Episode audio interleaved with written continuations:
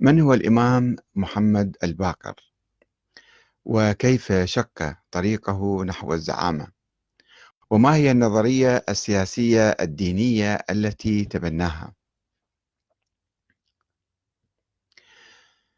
الظروف السياسية المحيطة بالإمام الباقر وجد أبو جعفر محمد بن علي الباقر الذي ولد سنة 57 للهجرة وتوفي سنة 114 وجد نفسه في بداية القرن الثاني الهجري أمام مجموعة من القيادات الشيعية المتنافسة كالهاشميين أتباع أبي هاشم عبد الله بن محمد بن الحنفية الذي توفي سنة 98 والعباسيين الراوندية الذين دعوا الوصية من أبي هاشم إلى محمد بن علي بن عبد الله بن عباس ثم ابنه إبراهيم الإمام أخي أخي السفاح والمنصور والجناحيين بقيادة عبد الله بن معاوية بن عبد الله بن جعفر الطيار الذي دعا الوصية من أبي هاشم أيضا.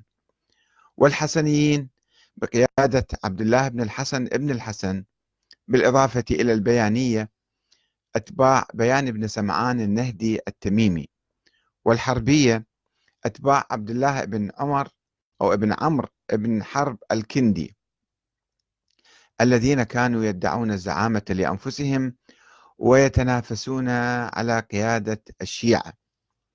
ولذلك وجد الباكر نفسه أمام مهمة كبيرة تتمثل بالتصدي لقيادة الشيعة وممارسة حقه في الزعامة كواحد من الهاشميين. ماذا كانت استراتيجيته نحو الصعود نحو القمة؟ أليف شعار أهل البيت في مقابل العترة. وبما